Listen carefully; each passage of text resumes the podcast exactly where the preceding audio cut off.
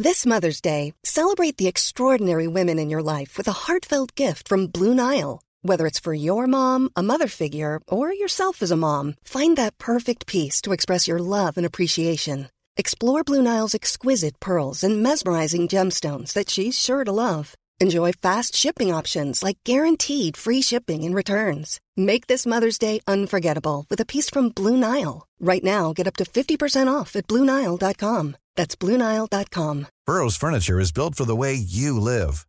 From ensuring easy assembly and disassembly to honoring highly requested new colors for their award-winning seating, they always have their customers in mind. Their modular seating is made out of durable materials to last and grow with you. And with Burrow, you always get fast, free shipping. Get up to 60% off during Burrow's Memorial Day sale at burrow.com slash ACAST. That's burrow.com slash ACAST. burrow.com slash ACAST. Driver VG mistenkeliggjøring når de skriver om kjendiskokkens kupp? Eller driver de god gravejournalistikk? For én ting er hva som står i saken, en annen ting er inntrykket som skapes. Og kan flere hundre journalister pålegges referatforbud på en konferanse de selv er deltakere på, hvis de som intervjues på scenen krever det? Jeg vet ikke. Det lurer i hvert fall jeg på denne uka. Det lurer vi på. Du har sikkert svaret, du Svein Tore. Ja, ja, Som alltid har jeg i hvert fall et forslag til svar. Og Ja. så får vi se om det står seg når vi diskuterer det. Ikke sant? Hvordan går det, Eva? Jo, eh, det rusler og går. Ja, Jeg har jo vært på tur, da, så jeg har jo kommet hjem fra sol og sommer til eh, høst og gule blader og våt asfalt og sånn. Hansker på sykkelen og du veit, sånn plutselig ble det veldig høst. Men Jeg det er litt kos. Ja jeg nektet å kommentere det på direktespørsmål i, i forrige ukes podkast, hva du gjorde i Aten, men ja. Nei, det, jeg trenger ikke å sitte her og snakke om mitt privatliv. eh, det var det jeg sa òg. Ja, så Men- sånn er det. Men hva er det med høsten du liker?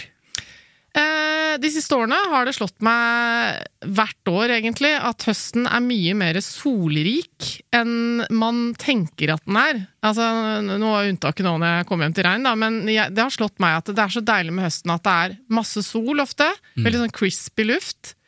Og, og sånn deilig stemning eh, med fargene og sånn. Mm. Så altså, jeg liker mange årstider. Jeg, jeg bare prøver å finne det mest positive med alle årstider for å komme meg gjennom dem, på en måte. Eh, Samme med vinteren, jeg elsker å gå på ski, men eh, det, og det er jo sånn man, man må jo ha noe som er bra med hver årstid, tenker jeg. Jeg, Selv om jeg definitivt elsker sommeren mest av alt. jeg er helt enig, og, og man tenker jo ofte på uh, vinteren som noe av det norskeste.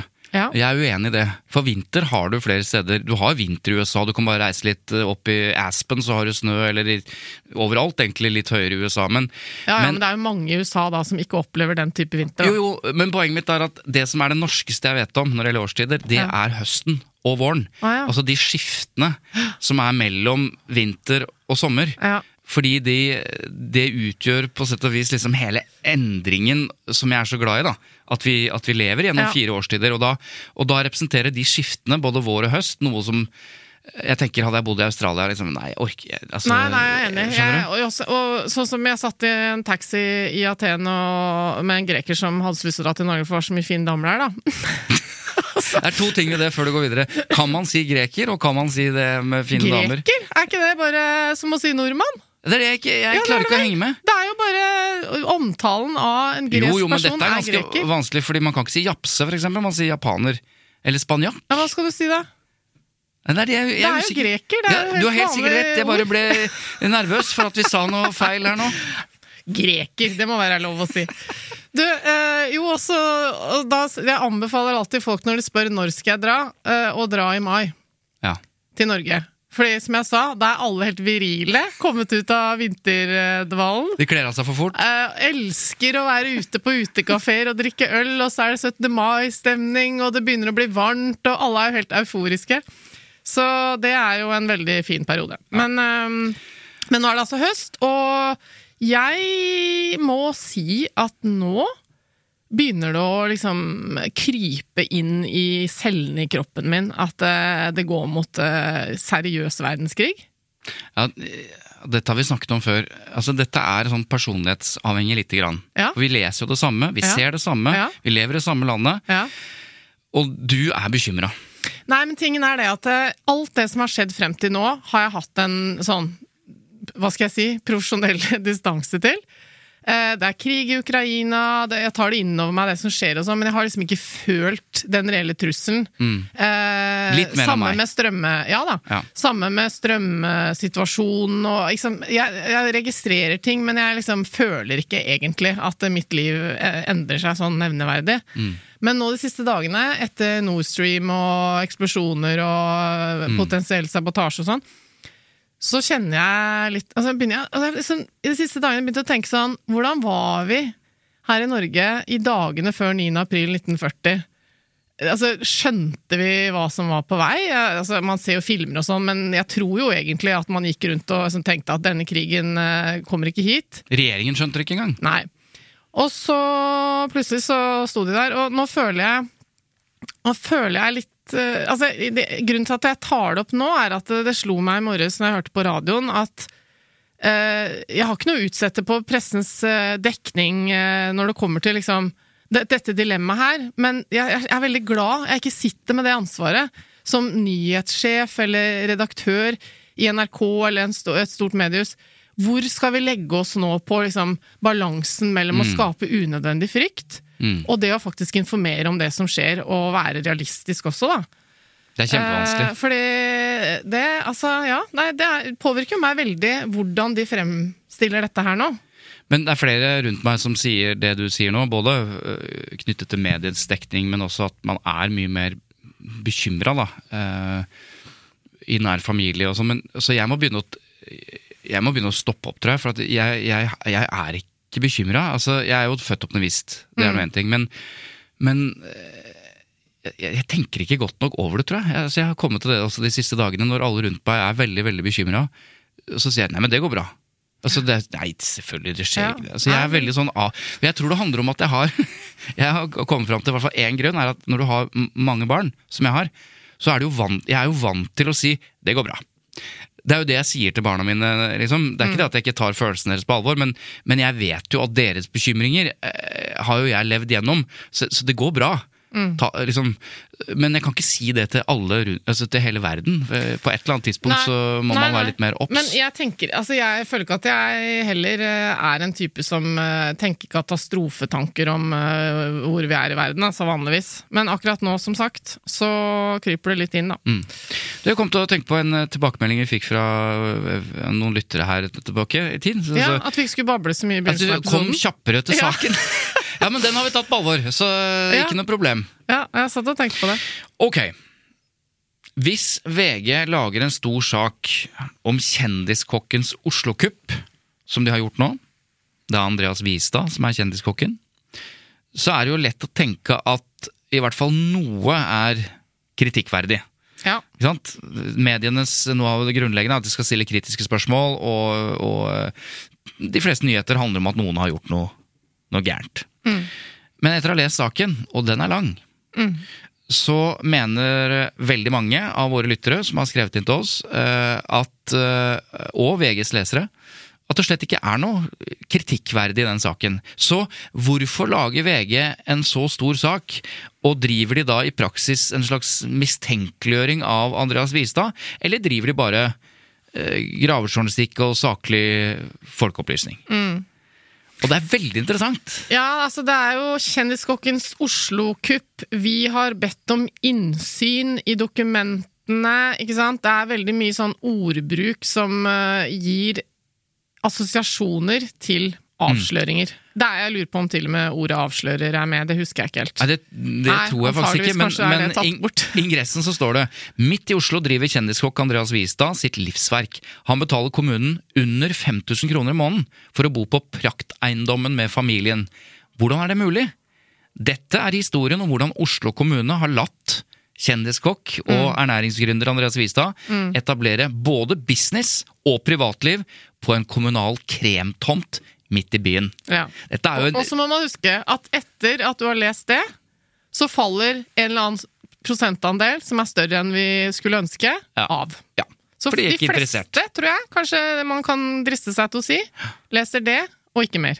I hvert fall ikke hele saken, for den er så lang at uh, dette har de sikkert tall på. Men, men dette, er Ja, ja, jo, det har de dette er jo noe man ofte sier, at leser man bare liksom, overskrift og ingress og hopper videre, så, ja, så får du et annet inntrykk av det. Og, og det Og i papiravisa så leser man jo, ser bilder, leser overskrifter, leser bildetekster. Mm -hmm. uh, og så liksom kikker man kanskje på noen sånne eh, deloverskrifter gjennom teksten, Ja. og så blar man videre hvis man ikke er spesielt interessert. Men det høres altså ut som det er noe kritikkverdig. Og legg merke til hvordan språket brukes, det er veldig interessant. ikke sant? Eh, midt i Oslo, kjendis, eh, eh, prakteiendom, eh, business, kremtomt. Altså det er en del eh, Man kunne jo ordlagt seg på en annen måte for å tatt ned det, men, men dette er jo det eh, journalistikken også handler om. Det handler om å blåse opp noe og tydeliggjøre det, og det er det de gjør.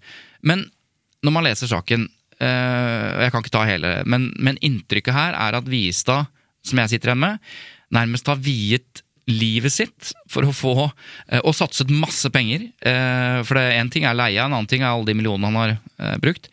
For å få barn til å spise og lære å oppleve mat som gjør dem godt. da. Dette er jo Geitmyra eh, Hva heter det? Geitmyra mat... Matkultursenter, tror jeg.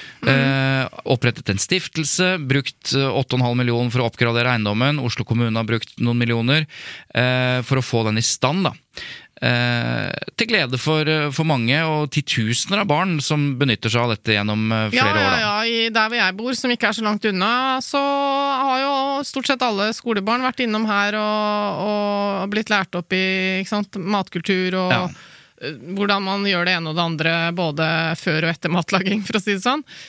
Og under. Ja, og så er det et eller annet i saken som han betaler sånn, og en stiftelse og noe privat, og leier ut til seg selv, og det er en del jeg ikke liksom klarer helt å henge med på, men inntrykket mitt er at, det, er at dette er eh, så bra, liksom, at han har eh, gjort dette. Jeg leste Hva er det du ikke klarer å henge med på? Eh, Nei, alle disse liksom, hvor, stiftelsene og selskapene Ja, sånn, ja. og leid leide ut til seg Ja. selv. og Kanskje det er, kanskje det er noe kritikkverdig der, men jeg, får ikke helt taket på det. Eh, og har han fått det billig? Det er et rart regnestykke, for han har jo satset ganske mye også. Og hvis det ikke hadde gått bra med dette prosjektet, så hadde han sittet der med skjegg i postkassa, så vidt jeg kan Ja, skjønne. ikke sant. Nei, altså, sånn som jeg eh, husker saken etter å ha lest den, så har jo Vistad selv eh, fått en god idé når han har sett eh, denne flotte eiendommen, som har stått brakk i over 100 år, og det er jo veldig typisk Oslo kommune, vil jeg si. Vi har jo så mange historier om Nettopp. flotte eiendommer som bare står og faller sammen og ikke blir eh, brukt til noe fornuftig, fordi ingen har råd til å gå inn i et prosjekt med de forutsetningene som Oslo kommune setter, da. Fordi Aftenposten har jo nettopp skrevet en sak om at nettopp over 100 kommunale eiendommer står ubrukt i Oslo. Ja, ja, ja. Flere av dem sånn katastrofe. Bare rett ved der hvor jeg bor, så, så har det vært et eh, bygg som ligger midt i en park, og det er jo Det var så synd i årevis Mm. eh, at den bare sto der og ble tagga ned og okkupert av husokkupanter og altså, Og det høres jo ut som et større problem at 100 eiendommer står og forfaller eh, i, Oslos, i Oslo kommune. Eh, mer kritikkverdig på en måte enn at en av eiendommene er blitt tatt i bruk eh, og skapt en eller annen slags kulturinstitusjon. Men, Ja. men, men, eh, men ok. Ofte så kan man jo eh, Jeg prøver å teste en sånn sak da, ved å se hva, hvordan, hvordan faller den i, i, i Facebook-jorda. Ja. Eller Twitter-jorda. Ja. og man skal være forsiktig med å, å, å på en måte tro at man får en slags sånn folkedyp ved å være på Facebook eller Twitter, men noen reaksjoner kommer jo. Jeg la merke til eh, Anne Holt, som er en ivrig samfunnsdebattant, tidligere statsråd. Eh, hun skriver for å være ærlig sliter jeg hardt med å finne noe klandreverdig i denne saken. Ikke ser jeg at kommunen har gjort noe galt, ikke ser jeg at Viestad har lurt noen, men jeg ser et ganske vellykket prosjekt og et gammelt bygg som har blitt tatt vare på. Kan noen forklare hva som har vært et svært oppslag her? Ja. Og, det, og det, de svarene hun får, er ingen som alle er enig i. Eh, I hvert fall i den tråden, at dette her er mistenkeliggjøring osv. Og, så og så skriver hun videre et enkelt kontrollspørsmål før man lager en slik mistenkeliggjørende artikkel. Er det mange som ville hatt lyst til å ta i bruk en gammel, verneverdig rønne? Skape et samfunnsnyttig prosjekt, investere millioner av kroner på oppussing av noe man ikke selv eier? Alt dette bytter mot billig husleie for seg og familien. Og svaret er et ganske rungende nei, skriver. Ja, og så andre, altså Dette har jo vært diskutert på flere Facebook-konto. Kjetil Rollnes eh, la det også ut litt mer kritisk i utgangspunktet, men så kom en kommentarfelt under eh, faktisk eh, til, mer eller mindre til den samme konklusjonen som eh, Anne Holt, da, mange av dem i hvert fall, Mm. om at det var dette så gærent og sånn. Fordi det er jo litt sånn hvordan du regner på det, ikke sant. Eh, fordi jeg tror det som gjør at eh, mange har lyst til å reagere, er det derre instinktet vi får med fy faen, hvordan har han fått til eh, Kjendiskokken, 5000 kroner for en svær villa. Den digge tomta, han har fått kontrakten. For først fikk han kontrakten i nå husker jeg ikke helt hvor mange år det var, og så tolv år før det skulle gå ut, så fikk han fornyet den, så nå sitter eh, han og familien på Sitter liksom, han jævlig godt i det. avtalen med å kunne bo her til 2040. Men det som, eh, som jeg syns er litt interessant, er at eh, ikke sant, å se for seg at eh, hvis man hadde brukt Jeg tror det var noe sånn som 3,5 millioner kroner eh, Vistad og familien har brukt på å renovere dette stedet, som de da ikke eier. Ja, Med stiftelsen så er det faktisk 8,5 millioner. Ja, men personlig, personlig, ja, privat riktig, ja. var det 3,5, tror jeg.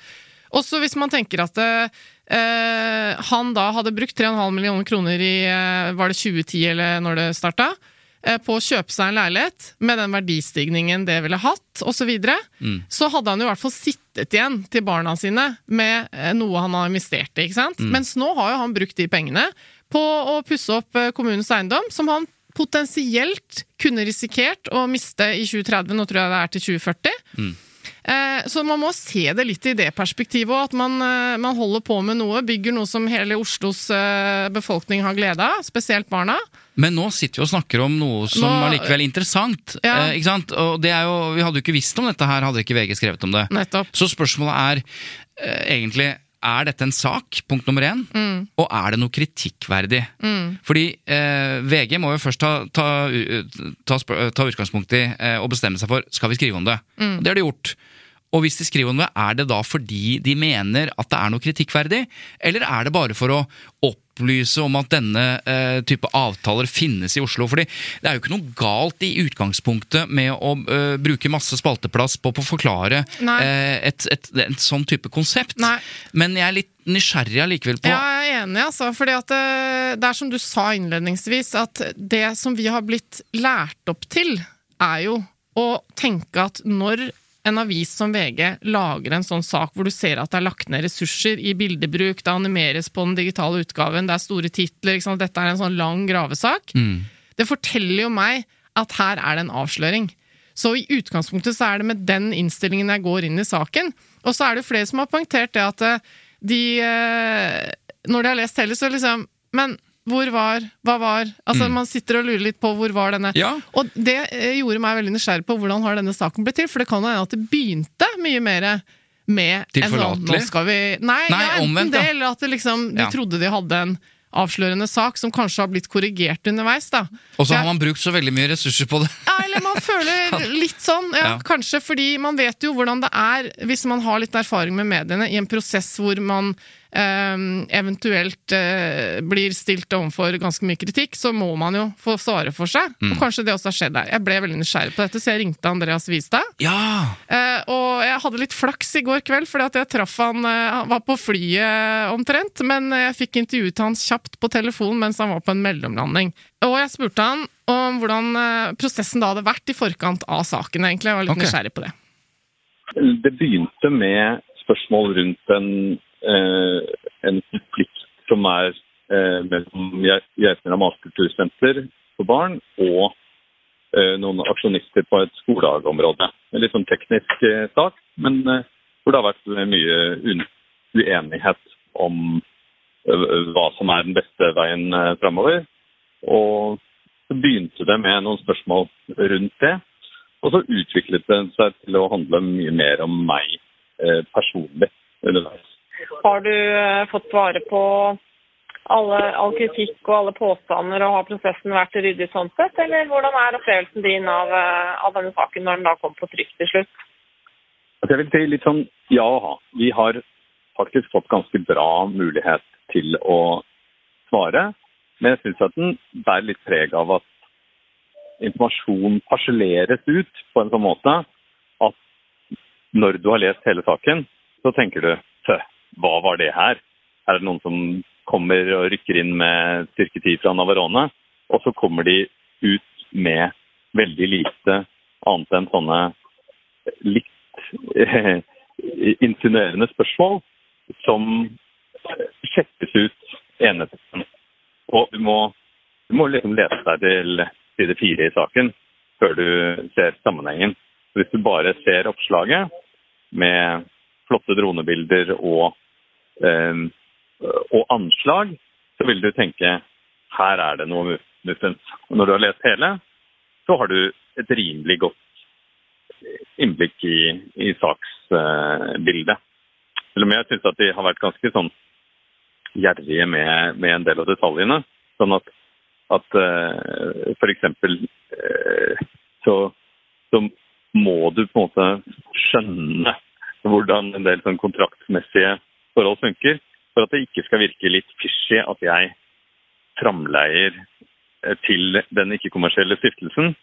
Eh, mens det i virkeligheten f.eks. Er, eh, er noe som er sånn, det er en betingelse for at stiftelsen kan ha råderett over sine egne lokaler. Så Det syns jeg var litt kjedelig. At det som man gjør for å sørge for superryddige forhold, det er noe som man må svare på Eh, det er jo så vidt greit, men at det da blir stående som en sånn ha-ha, til og med framdeier. Så hvordan opplever du da egentlig at saken har vært, sånn nå i ettertid? Jeg må gi dem honnør for at, at hvis du leser den grundig, så er den ganske balansert. Så den var mindre ille enn jeg trodde. Jeg syns det har vært en, stor belastning. Jeg har gått og grua meg til det i mange, mange måneder. Og eh, det har vært, eh, det har vært eh, vanskelig, og, og, lenge var det veldig uklart hva den handlet om.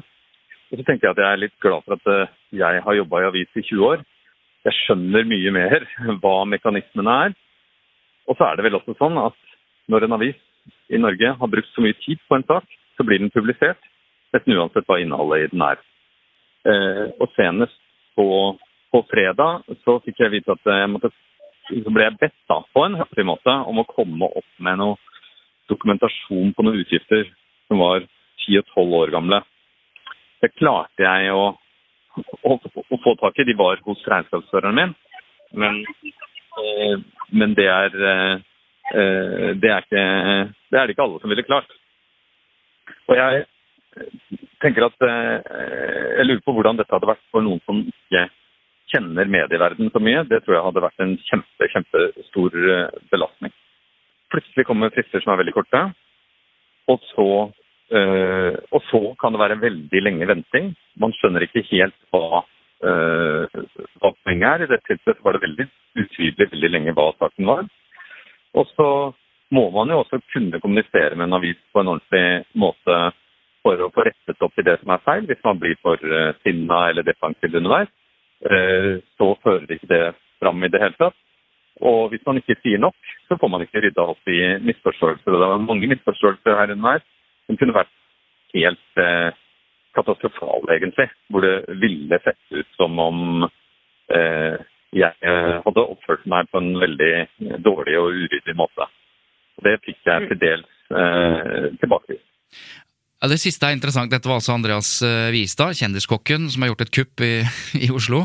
Men dette siste her VG. Ja, det han at han er medievant, og at han hadde sysaken i orden. Han har jobbet i pressen selv. Ja. Han har vært matskribent og Absolutt. Men han fant også bilagene fra flere år tilbake. Og sånn, og det har jo veldig mye å si for hvordan dette blir til slutt. Men det er jo ikke alle som har alt i orden eller finner ting eller vet hvordan mediet fungerer. Da... Nei, altså dette må vi jo være ærlige på at det innimellom eh, Det er ikke så ofte det, altså, men vi har jo noen ganger i vår dayjob øh, kunder som, som trenger hjelp til nettopp sånn Vet du hva, uh, dette har skjedd, jeg aner ikke hvordan jeg skal forholde meg til mediene, ikke sant? som bare blir helt satt ut av at uh, de har fått en frist på en stor sak, mm. masse informasjon de må svare på, og man får følelsen av at liksom, du får til i morgen klokka fire, typ. Mm. Altså kommer det litt an på omfanget, ja. hvilken frist man får. Men, uh, men det, det, har jeg hørt flere fortelle om, som han også nevnte, Andreas Vistad, at man får plutselig noe man må finne fram, med veldig kort frist og så leverer man det, og så går det liksom to-tre uker uten at man hører noe, uten at man ser en sak, og så plutselig kommer det noen oppfølgende spørsmål, eh, for da har de funnet ut noe nytt, eller funnet en ny vinkling. For ja. sånn er jo et graveprosjekt da, ja, ja. i en redaksjon, at man driver og jobber med saken, og det er heller ikke kritikkverdig, for så vidt, fordi man må jo bruke den tiden det tar å finne ut av greiene, og få innsyn i ting. og og så plutselig dukker det opp noen nye ting. Men det flere forteller om, som det demrer for meg Vi har hatt en annen gjest som har snakket om akkurat det samme er jo det at eh, Ja, det var denne saken med Kjetil Rollnes eh, når denne eh, toalettsituasjonen eh, i Ja. Ytringsfrihetskommisjonen Ja, Når den ble sak, blåst, ja. så var det kritikk fra han at dette hadde foregått så lenge han hadde gått en hel sommer og venta på når dette skulle sprekke, og det hadde ødelagt hele sommeren hans fordi han trodde at saken kom hver dag, nærmest. Sånn Og så sa vi i den episoden at eh, det går jo an å holde folk bedre informert underveis i nettopp. graveprosjektet. Og her virker det jo som Vista Vistad selv sier at eh, han har såpass erfaring med mer at han skjønner prosessen og sånn, så han kritiserer for så vidt ikke det så mye, men han bare sier at det, for folk som ikke har opplevd dette før, Mm. så er det jo veldig belastende, og det kan jeg jo virkelig forstå, altså. Men alt i alt så gir han jo VG, eh, både journalistene og hvordan de har behandlet han, ståkarakter. Ja altså, han, han opplever jo at han har fått svare for seg, og Mm. at de har vært eh, opptrådt eh, liksom sånn de skal, men selvfølgelig reagerer på noe av det samme som leserne reagerer på. Hva er det egentlig de prøver å få Ja. til her? De har rettet opp eh, det som må til for å ikke gå over streken presseetisk, men så har de kanskje ikke gjort så mye at uh, saken liksom bare Ja. er sånn Hei, vi har en stor sak her, men det er egentlig ikke noe Dette er bare en informasjonssak om hvordan det fungerer. Det, det kunne liksom stått i Og det er jo langt unna noe presseetisk problematisk her, altså på metode og Ja, ja, ja, virkemidler osv. Absolutt. Mm. Men allikevel, husker du hva jeg spurte om for en stund siden? Hva er det som gjør at dette blir en sak? Hvorfor velger VG å skrive om dette, Mm. og hva mener de selv er kritikkverdig? Ja. Så da får vi spørre, da. ja, vi får gjøre det. Ja, for nyhetsredaktør eh, Tora eh, Håndlykken. Håndlykken, eh, hun eh, må jo kunne svare på dette, tenker jeg. Skulle tro det. Ja. Tora, Hei. hvorfor er dette en sak? Det å belyse bruk av offentlige verdier, det er jo en av kjerneoppgavene for journalistikken. Eh, Og det er det som har vært utgangspunktet vårt eh, når vi har jobba med saken om Geitmyra. Vi mener at det er eh, interessant å se på eh, hvordan Oslo kommune har eh, brukt og forvalta eh, sine eiendommer, og se på nærmere på den avtalen da som de har inngått med Andreas Visa. Det er jo mange ting som er interessant, som mediene ikke skriver om. eh, Og i hvert fall ikke som de bruker masse krefter og, og tid på. Så vi er jo vant til at mediene fokuserer på det som er kritikkverdig i samfunnet. Hva er kritikkverdig eh, ved dette? Vi mener at denne avtalen er jo såpass spesiell at det er viktig eh, at eh, fellesskapet skal kjenne til innholdet. Altså at den har offentlig interesse, da, som vi pleier å si. Eh, Visa er jo en kjent person. Han har skaffa seg en eh, langvarig avtale med kommunen på det som mange vil si er en ganske attraktiv eiendom, og som også innbefatter hans eh, private bolig. Og så må jeg jo si at det er ikke sånn at vi har funnet noe brudd på lov eller forskrift i denne saken. Eh, Men vi har stilt eh, kritiske spørsmål, og så har vi gjort også noen funn. Eh, Kan du si liksom eh, noen av de viktigste? Eh, Kontrakten er eh, med Visa som privatperson. Eh, Det er ikke med stiftelsen. Eh, Mye av gården brukes da eh, privat. Det er vel to tredjedeler. Eh, Det er en veldig lang eh, kontrakt. 30 år er uvanlig eh, langt for, denne type kultureiendommer. Og så har vi også sett på det om hvordan er den private fordelen som, som Visa har fått. Og kommunen sier jo nå, når vi har jobbet med saken, så har jo de konkludert med at denne avtalen ikke er en ideell utnyttelse. Eh, så det tenker vi er eh, interessant. Det har jo vært en del av fundamentet for, for, eh, for arbeidet vårt og, og valget om å publisere. Og så må det også sies at Det er liksom den ene sida av saken, men vi har jo vært særlig opptatt av en balanse i denne saken. her. Så, så vi har sett på også det Vistad belyser. Han sier at han har overtatt en falleferdig eiendom. Kommunen har ikke eh, vært i stand til å ivare, eller ivaretok ikke den. Eh, han og stiftelsen har skaffa seg midler og satt den i stand. Eh, og han gir jo et eh, tilbud også til, eh, til barna i kommunen. Og som han sier, at han hadde jo ikke gått inn i det her hvis han ikke hadde og ofra så mye som han opplever, da, hvis ikke han hadde hatt de forutsetningene på plass. Så fra vår side, så det å både belyse hvordan det offentlige forvalter eiendommene sine, og i tillegg vise helheten her fra Visa sin side, mener vi er, har offentlig interesse. Vil dere nå følge opp med mer journalistikk på det som mange av leserne mener det er det faktisk kritikkverdige her, nemlig kommunens håndtering av sine eiendommer? Det er jo kommunens håndtering av eiendommer i det totale bildet som har vært inngangen vår til saken. Eh, sånn at Vi har fått gode innspill etter denne publiseringa hvor vi skal se på det, men også dette med disse kultur, eh, altså som, eh, kulturavtalene. da, kommer vi til å se på enda bredere.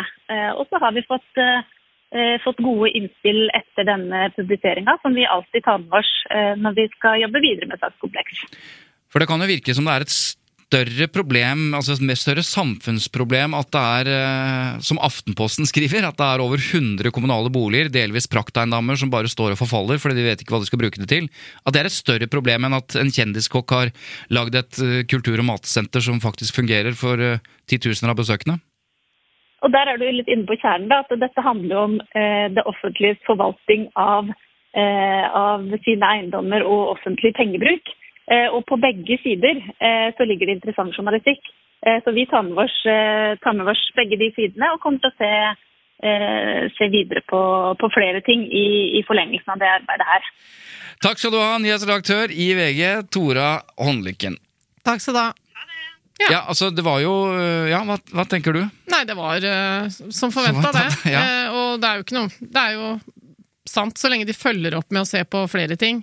Så, som jeg jo mener at de bør gjøre, da. Mm. Og jeg men tenker, Ditt poeng tidligere er et av de viktigste som de må ta med i dette.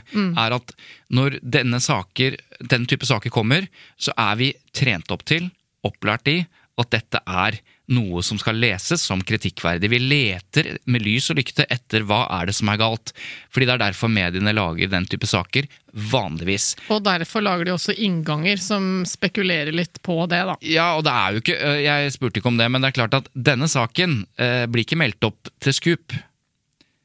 Nei. Det er en gravesak som kunne blitt det, for mm, hva de har lagt ned i det, og mengden og, og dokumentinnsyn og sånn, skulle jo tilsi at dette er en helt typisk gravesak som kunne meldt oss til Scoop. Hvorfor blir den ikke det? Ja, Scoop er altså Stiftelsen for kritisk og undersøkende journalistikk. Ja, som er, da, da håper du på å få en pris for metoden din, men, Ja. men så lenge det ikke er noen avsløringer eller noen konsekvenser av denne saken, så, så vil han likevel ikke nå opp.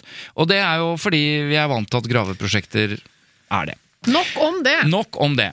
Eva, vi skal innom en annen sak som er ganske interessant eh, i Det er nesten litt sånn meta, men det er jo innenfor journalistikken og hvordan journalistikken blir til. Men det er litt i andedammen. Ja.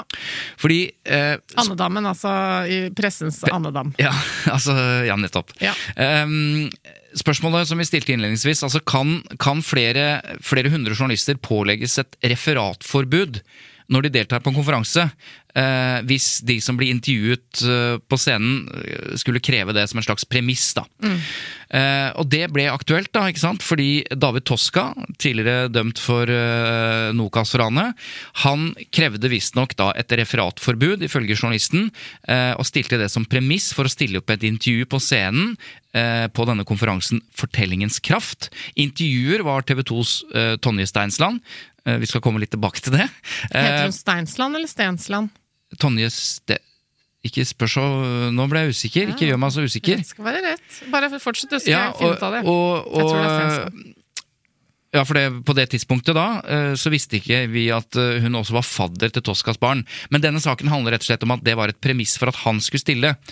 Og, eh, og da hadde han en samtale da med, med, med Tonje Steinsland, og de skulle snakke om hvordan det hele gikk til da hun brukte flere år på å få han i tale for å stille opp et intervju i Vårt lille land, programmet, hvor han da for første gang snakket ut. Så det, det var liksom behind the scenes, altså hvordan fikk hun det til, og hva slags relasjon eh, hadde de gjennom disse årene, osv. Um, og da eh, sier uh, visstnok Toska da, at han vil ikke ha noe referat, eh, ingen skal referere fra dette. Og så sier da Altså ikke et referat så i businessforstand, sånn, Nei, eh, men, altså at det skal referere noe, i mediene. ikke siteres, da. Ja. Ikke sant? Ja. Også, Ingen skal lage sak på dette, denne riktig. hendelsen her. Og så sier da eh, Terje Angelshaug, som da er styremedlem i denne konferansen, eh, som har hatt kontakt med Tosca, så sier han at Tosca sier da at han kan være med på en faglig konferanse, men han vil ikke ha en offentlighet rundt det, og ønsker ikke å være en offentlig person. Da har vi et valg. Skal vi gå med på det, eller droppe hele seansen? Og han vil ikke gå med på at de, har, at de har gitt et referatforbud, og mener de ikke kan hindre noen å referere. Men så sier han men folk får ta stilling til det. Hvis dere, altså journalistene, sier nei, og ikke respekterer det, så må vi melde fra at det ikke blir noe av seansen. seansen. Vi må være lojale i forhold til det vi har lovet Tosca.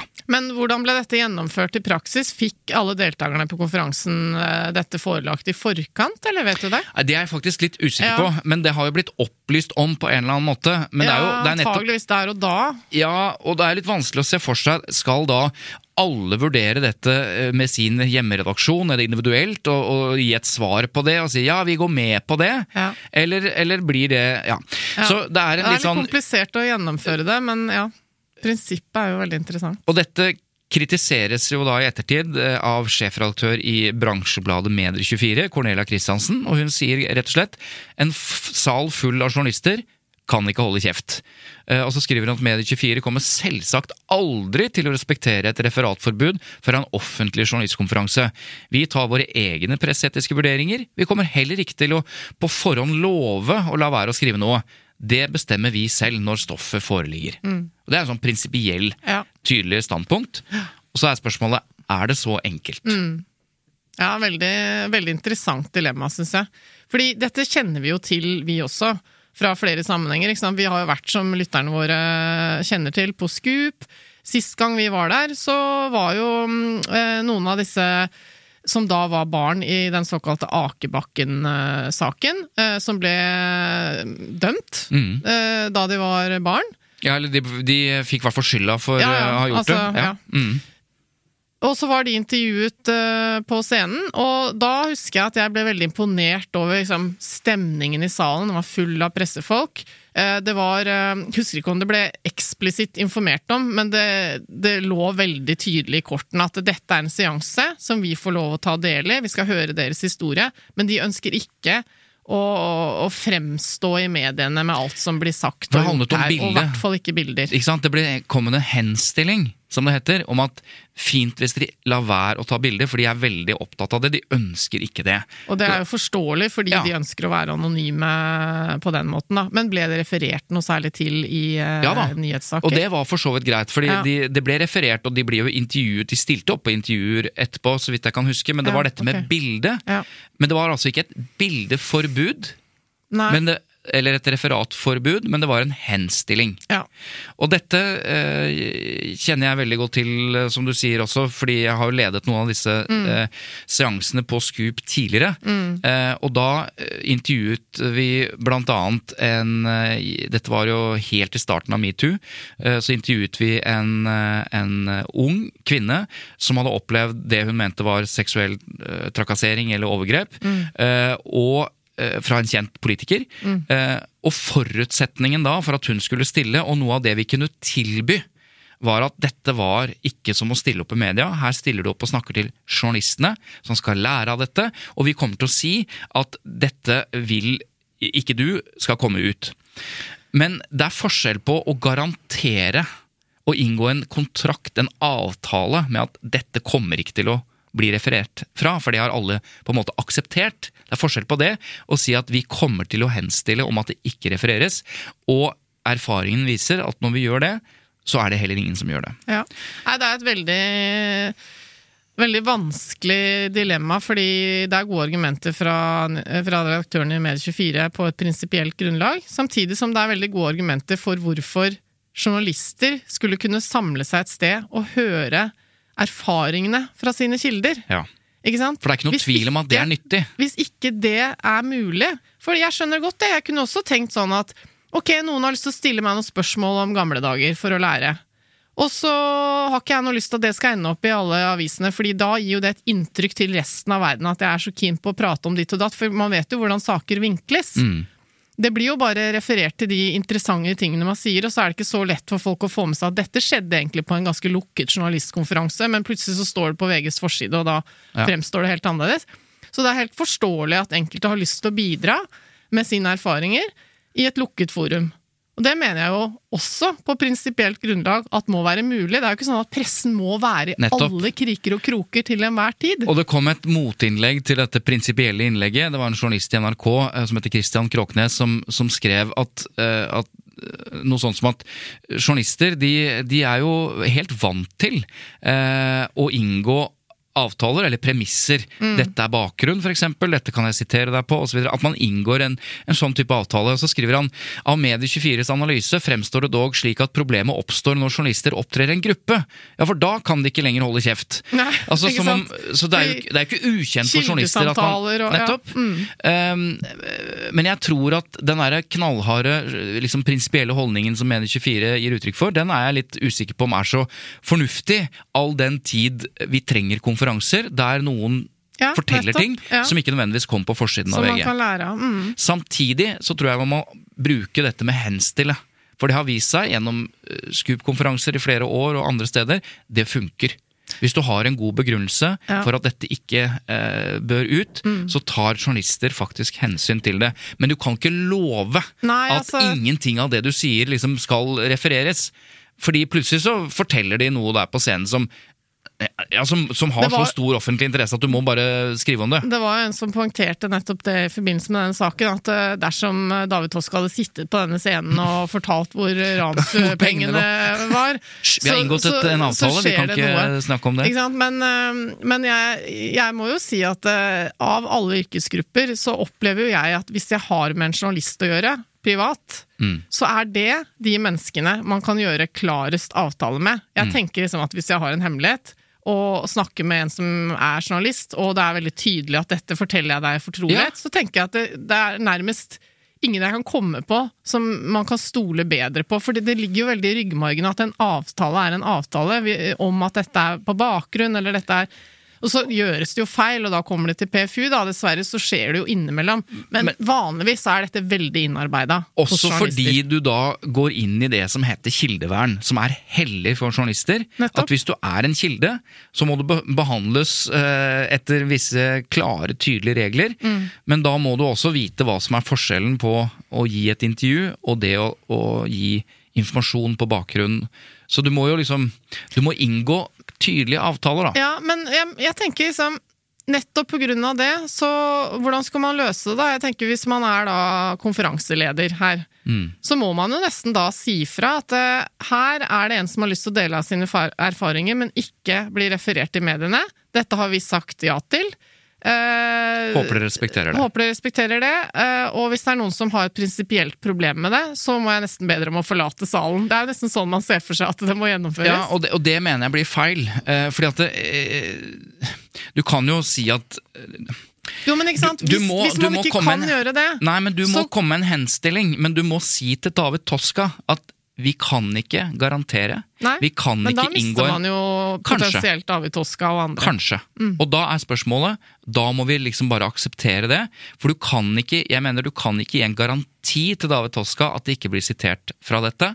Men du kan si at basert på erfaring fra SKUP, basert på andre typer konferanser, så vil en henstilling om dette fungere nærmest som et eh, referatforbud, men vi kan ikke garantere det, Nei, og vi kan ikke inngå en avtale. Men det er jo en utfordring, da, hvis han- det er en som har dette som ja da, et eh, veldig men da mener jeg man må la det gå, da. Eh, De som står på scenen må også på en måte vite hvordan ting fungerer, og det er der jeg mener at du kan ikke snu deg mot journalistene og be de gå, de som ikke aksepterer det. Nei. Du må rett og slett bare henstille om det, håpe på det beste. Men da, da vil man jo som kilde slash intervjuobjekt fort tenke at ok, her sitter det og det og det og det mediehuset. Eh, Jeg kjenner jo dem, veit hvordan de er ute etter Ser han på siste rad her? Ser han være fra Mm. Ja. Ja. Og så Nei. Nei. Nei takk. Nei takk. Men det, Det- det, er, det jeg mener det er den eneste løsningen. Det er risikoen Mm. man løper. At du, så lenge du ikke kan garantere, fordi det er en offentlig konferanse tross alt, Offentlig konferanse, hva er det for noe? Ja, Det betyr at uh, den ikke er uh, lukket eller betalt Ja, men- for, eller, uh, Nei, eller men altså, betalt den er er, det jo. den er jo potensielt lukket, da. Det har jo ikke vært Ja, det streama, jo ikke noe- dette intervjuet. Nei, men den er jo offentlig i den forstand at det er flere hundre mennesker som lever av å fortelle offentligheten om saker. Så mer, noe stort mer offentlig enn det kan det jo ikke være. Ja, en journalistkonferanse er jo offentlig. Ja, ja, sånn, selv om ja. du ikke kommer inn på den journalistkonferansen hvis du ikke har betalt, eller hvis du Ja, men- faktisk ikke er journalist. Ja, da. da er det jo sånn Ja, men jeg sånn sier ikke at er konferansen var for allmennheten. Jeg sier at konferansen er offentlig. Ja, for det motsatte av offentlig er jo lukket. Ja, og det er jo på en måte lukket. Ja, ja Det er jo et Ja, jeg lukket ser poenget arrangement. ditt. Ja. ja, den Jo, skjer skjer ikke på torget. eh, Poenget er jo eksempel at hvis du skal gifte deg som halvkjendis, Mm. så er det noen forskjeller i hva man vet at pressen kan argumentere for når det gjelder å publisere bilder de tar fra busken eller sånn. Mm. Det er hvis du gjør det på et uh, offentlig sted, så må du forvente at uh, VG eller Aftenposten eller Se og Hør kan uh, ta et bilde når du kommer ut av ikke sant? sånn og sånn. Og det må du bare tåle hvis du har opp søkt oppmerksomhet før. Mens hvis du velger å arrangere dette bryllupet på et privat sted, en lukket fest, altså at døra Du kommer ikke igjen Så kan du eh, bedre Ja. argumentere for at dette har jeg valgt å gjøre lukket. Jeg ser det. Samtidig så har man også hatt de grensedragningene når man, når man påstår at man har sagt noe på Facebook til sine venner. Er dette i en vennegruppe, eller er det offentlig? Ja, var det, det, jeg noen- fram til. Ja. Var det jeg skulle fram til at eh, dersom dette intervjuet med David Toska foregikk i en podkast som blir kringkastet et eller annet sted, selv om det bare er 20 lyttere i denne podkasten, så har det også vært tidligere folk som prøver å argumentere for at ja, men dette sa jeg i en podkast, jeg sa det ikke til mediene og sånn. Men der er min holdning litt annerledes, for at det, da er det jo kringkastet. Det er ja, lagt ut i offentligheten. Absolutt. Men denne konferansen er er jo ikke lagt ut på live streaming på Facebook og sånn. Hadde det vært det, så hadde jeg jo i hvert fall ment at eh, alt kunne refereres fra. Jeg mener fortsatt at når du har en konferanse, enten det er for journalister eller for mange andre, og det er flere hundre deltakere, selv om det er betalt for og ikke hvem som helst kan komme inn, så er det en, off så er det en offentlighet. Det er en offentlighet, selv om det ikke er for allmennheten og fritt tilgjengelig. Eh, så, så jeg mener nå en gang at det begrepet må brukes, at det er en, det er Ja, en er offentlig det konferanse, er, selv om det ikke er tilgang for alle. Og, da, og, og prinsipielt er jeg enig med Medie24. Jeg tror bare ikke det er så klokt å insistere på den prinsippfastheten i fagkonferanser der du faktisk har muligheten til å lære noe. Da kan du faktisk følge den henstillingen, eh, og ikke liksom på død og liv løpe med blokka først og si 'vi skal referere alt, for det er vår rett', osv. Ja, jeg tror du mister mye informasjon ved å ha den holdningen. Nettopp. Ok, men eh, det var jo noe annet som også var som ble en greie etter at Tonje Steinsland fant ut om det var Tonje Ja, du Steinsland. hadde rett. Ja. Eh, eh, en greie etter at hun intervjuet Tosca, så ble det jo også kjent gjennom Dagens Næringsliv at Tonje Steinsland er fadder for David Toscas barn. Ja, og nettopp dette kom jo da som en sak som følge av denne seansen, gjorde det ikke det? Så Ja. referatforbudet var vel ikke helt uh... Nei, eh, nei, for det ble jo ikke nevnt på den, uh, i den sammenhengen. Oh, nei, okay. Og det, og det er jo litt av poenget også. At, uh, ok, Bare for å ta det veldig kjapt. Tonje Steinsland har jo blitt fadder for David Toskas barn lenge etter at hun lagde eh, storyen om David Toska på Vårt lille land. Hvor hun fulgte ham som kilde Riktig. i lang tid. Og så har hun, og dette har hun forklart hvorfor hun har sagt ja til osv., men i hvert fall så ble hun da spurt om å være fadder, og hun sa ja til det. Og er nå inhabil i, i saker om David Taska i overskuelig fremtid, naturligvis. naturligvis.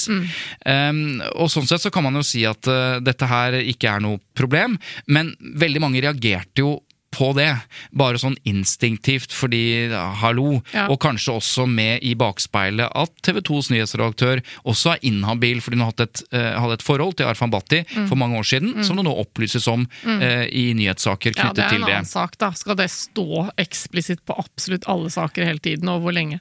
Men- det kan vi snakke om en annen gang. Ja, men i hvert fall så, eh, så på denne konferansen Ja. da hun intervjuet Tosca, så kan man diskutere om det er journalistikk eller eh, hva det er, men da ble det ikke opplyst om at Tonje Steinsland oh, var fadder til Nei. David Toscas barn. Og så var jo ikke dette en, en det var ikke noe som ble publisert i et redaktørstyrt medium. Men det var jo tydeligvis ifølge deg en offentlig Ja, hendelse. det var en offentlig hendelse, og jeg mener nok at hun har vært ryddig der, for det oppfattes jo som et intervju. Hun er der i kraft som en journalist, selv om hun også er i kraft der som å fortelle bakgrunnshistorien Ja. osv. Men Ja. i hvert fall, anyways, dette ble jo et, tema. eh, Men det jeg skal si helt til slutt, er at jeg aldri sett, eller sjelden sett en sak som deler eh, Twitteriatet og Facebook-kommentarer og reaksjoner så på midten. Mm. For der var det altså halvparten som mente, i hvert fall så vidt jeg kunne se, som mente at ja, men drit nå hun er fadder til David Toscas barn. Han har sonet sin straff, Ja, dette er barnet, og osv. Get over it! Dette er nedrig journalistikk, nærmest, å drive og skrive om at hun er Dette er Folk må jo få lov til å gjøre det, på den ene siden, og andre bare er det mulig? Du kan, du kan jo si nei. Du vet jo at dette vil hefte ved din eh, troverdighet, selv om du ikke har laget journalistikk på David Toska i etterkant. Og der var det sånn helt diametralt motsatte reaksjoner, og det er jo i hvert fall interessant å se, da. Ja. Helt til Tonje Steinsland, eh, som da heter Steinsland, skrev sin egen redegjørelse, som jeg syns var flott. Eh, og minnet meg på det jeg jo selv er helt enig i, at eh, når en person har sonet ferdig sin dom, så skal man kunne betrakte dem som ferdig sonet og ønske dem velkommen inn i samfunnet igjen. Og så er jo det vanskeligere med noen som har gjort eh, enkelte forbrytelser enn andre. Men da var hennes eh, vurdering at eh, barnet i en kristen dåp er uskyldig osv. Ja, hun tok den vurderingen. Jeg syns hun redegjorde Ja. fint for det. Og, det, og hun understreket at dette er hennes uttrykk for hennes menneskesyn. Ja. Mm. Det var veldig viktig. Ja, Eva, da er vi, da er vi ferdige, da. Ved veis ende, som det heter. Ved veis ende. eh, Er det noe jeg ikke skal komme med sånn? Bare én ting til? Ja, sånn som jeg pleier. Ja. Men, eh, men det er faktisk en ting til. ok. Fordi vi har jo fått et lyttespørsmål, Ja. og det må vi besvare. Ja. Har vi bare fått ett denne uka? Nei, vi har fått mange, men, men det er det ene vi rekker, da. Ja. Markus eh, sendte oss en melding i går, faktisk, jeg vet ikke om du har sett det, eh, og lurte på er det innafor at VG har eh, denne sånn strømbarometertjenesten sin, hvor de, eh, hvor de har oversikt over strømavtaler og priser og sånn til enhver tid, eh, hvor du kan legge inn postnummeret ditt, og så er det eh, lenker direkte til eh, annonseinformasjon. Og det er informert om i saken. Eller i denne oversikten, da. Og så lurer han på om det er eh, greit. Er det ikke det Erland Bakke lurte på også? Fordi han har meldt jo eh, VG inn til PFU. Han eh, Det er jo nettopp det, og den ble jo ikke felt i går. ikke felt, men representantene i Pressens faglige utvalg sier at det er en balansegang her nå mellom hvor tett man knytter det redaksjonelle stoffet Mm. opp mot eh, annonser og content marketing er det måte. kjernen av problematikken som egentlig har vært en utfordring i årevis. At eh, når man sitter og hører på PFUs diskusjoner, så sitter jo ofte presserepresentantene og argumenterer for at noe må vi leve av og sånn, som jo er riktig. Eh, Det må de jo. Mm. Altså, de driver og lager nye produkter, og de har eh, arrangementer, og de gjør mye annet enn å skrive journalistikk. Mm. Og så syns folk at eh, det er litt sånn Ja, men eh, det, det skal ikke dere drive med. Da mister vi tilliten til dere, Mm. og så har vi det gående. Dette er en eh, grensegang som skal gås opp igjen nå, Det er pressen jobber med dette her, og, og klare å skille disse grensene. Men, men det noen eh, også kanskje reagerer på, eller lurer på, er hvorfor Erland Bakke, den eh, også kalt kjendismanageren, som hadde en stor beef med NRK Ja, han har blitt den nye Anders Cappelen, han som eh, ser på pressens arbeid med lupe. Og hvem er Anders. Cappelen? Han var en sånn fyr som drev og klagde på alt mulig rart eh, til PFU da jeg satt der. Men hvorfor kan kjendismanageren eh, Erland Bakke, som jo eh, har blitt dømt, Ja. men også eh, fått VG dømt på et par punkter i forbindelse med den saken han da var omtalt i. Mm. Eh, Hvorfor har han begynt å melde VG inn til Pressens faglige utvalg for strømsaker? Nei, men Det det, Det høres ut som en slags sånn jeg hevntokt. snakket om Cappelen, som jo ikke var ment å altså, Det er jo noen, Kjetil Rollenes er jo i samme kategori, som, og flere, Og vi som er mediekritikere. Ja, som, som følger med på hva pressen driver med og mener om det. Så han har vel blitt en sånn, da. Jo, men, Men men, kan, du, men kan du bare Kan Ja, hvem altså, som helst melde inn til PFU? Du kan melde inn, eh, du kan klage inn en sak eh, hvor du ikke er direkte berørt selv, og heller ikke ha Uh, samtykke fra en direkte berørt part. Hvis det er en generell sak som du mener er f.eks. annonseinnhold, Ja, eller nettopp. generelle saker som du mener bare er prinsipielt feil å gjøre. For hvis eh, Erland Bakke mente Det at handler om eh, hvilke punkter du klager inn. Ja, for Hvis Erland Bakke hadde ment at Se og Hør var urettferdig mot Durek Verrett Da må han ha, eh, Da må han ha samtykke. samtykke. Men det klarer Durek Verrett å klage på selv, for det har han også gjort. Ja, og ikke han- fått medhold. Han fikk heller ikke medhold eh, i PFU denne uka, da, da de, ja, de hadde behandlet denne saken om at eh, Se og Hør hadde store oppslag på, på hans helseproblemer. Ja, og da var jo argumentet, som det ofte er, at eh, når man selv har søkt offentlighetens lys, så må man tåle at eh, man også får de lampene på seg når man ikke ønsker det i så stor grad. Men her var det litt spesielle omstendigheter, fordi eh, flere i PFU mente at det, det, er, ikke, det er ikke sånn at enhver som har søkt offentlighet, eh, må tåle at Se og Hør skriver om private helseopplysninger osv. Mm. Men her mente de at det måtte gå fordi Durek Verrett selv bruker helse og, og, behandlinger og sånn i sitt virke, og snakker offentlig om det eh, på en, ja, etter manges mening, Så, spekulativ måte. Så hvis du er med på leken, må du tåle steken, ja, som det heter. Ja, men her var jo også poenget at uh, Se og Hør mente da at uh, man må jo også kunne da vise og belyse at uh, personen selv, som mener han kan helbrede alle mulige ting, med ting som ikke er offentlig anerkjent, så må man også kunne vise at han ikke klarer å helbrede seg selv da, fra ja, det står i tilsvaret. Ja. Mm.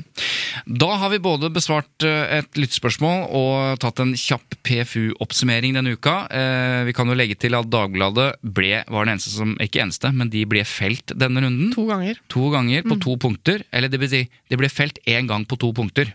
Var det det det var, ja? ja. Mm. Eh, fordi Bildebruk. de hadde rett og slett eh, illustrert en sak om noen som døde på et treningssenter i Mexico, med et bilde fra et treningssenter i Norge. Med en person på. Med en person på! Tenk deg det! Som klagde. Tenk deg det! Og bare tilfeldigvis være avfotografert på Sats eller et eller annet fordi du jobber som personlig trener, og så har du det bildet havna et eller annet sted hvor det går an å kjøpe det, da, tydeligvis. Det er sikkert et arkivfoto av et eller annet slag. Uh, og, Også, de ble jo blir du illustrert som en død person på treningssenter. Ja, jeg vet ikke om hun ble illustrert som død, men var, det, det var jo den saken ja, det var et illustrasjonsfoto. Og denne ble liggende på Facebook, det var det som var problemet. Nå er vi kanskje litt unøyaktige i gjengivelsen her, fordi vi har ikke sett på saken, men ja. de ble i hvert fall felt for bildebruk, da. Ja, blant annet fordi det ble liggende på Facebook også. Det var en Facebook-post som, som, var der. Mm. Ok, nok om det, og nok om hele Nok av oss. Nok av oss Takk for oss. Takk. Vi tror vi setter strek der, jeg. Lyder Produksjoner produserer Tut og Mediekjør, og vi er på lufta hver uke. Hvis man kan si det på gamle radiospråket. Ikke jeg, da, for jeg var jo ikke her forrige uke, men neste, du har neste, vært der. Neste gang kommer ikke jeg heller. Gjør du ikke? Nei, ok, da får jeg finne på noe, da. Nei, vi kan jo aldri garantere noe som helst. Kanskje er det krig? Det håper vi det ikke er. Og så får du ha en fin dag, fin helg, fin uke. Og så høres vi igjen det, neste gang. Ja, jeg sa egentlig til lytterne Du også må ha en fin uke, Eva. Sanne. Ha det. Ha det. Ha det.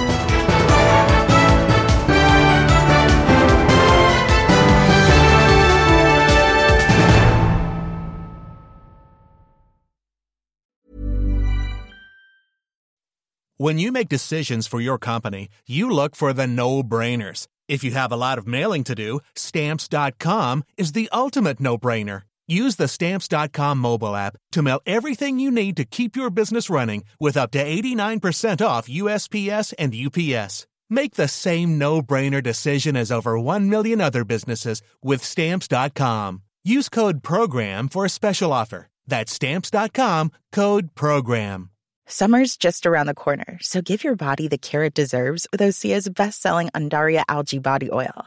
Created by infusing Andaria seaweed in barrels of botanical oils, it leaves skin silky soft and glowing. Plus, it's clinically proven to improve elasticity and deeply moisturize without feeling greasy. It's safe, clean, vegan skincare.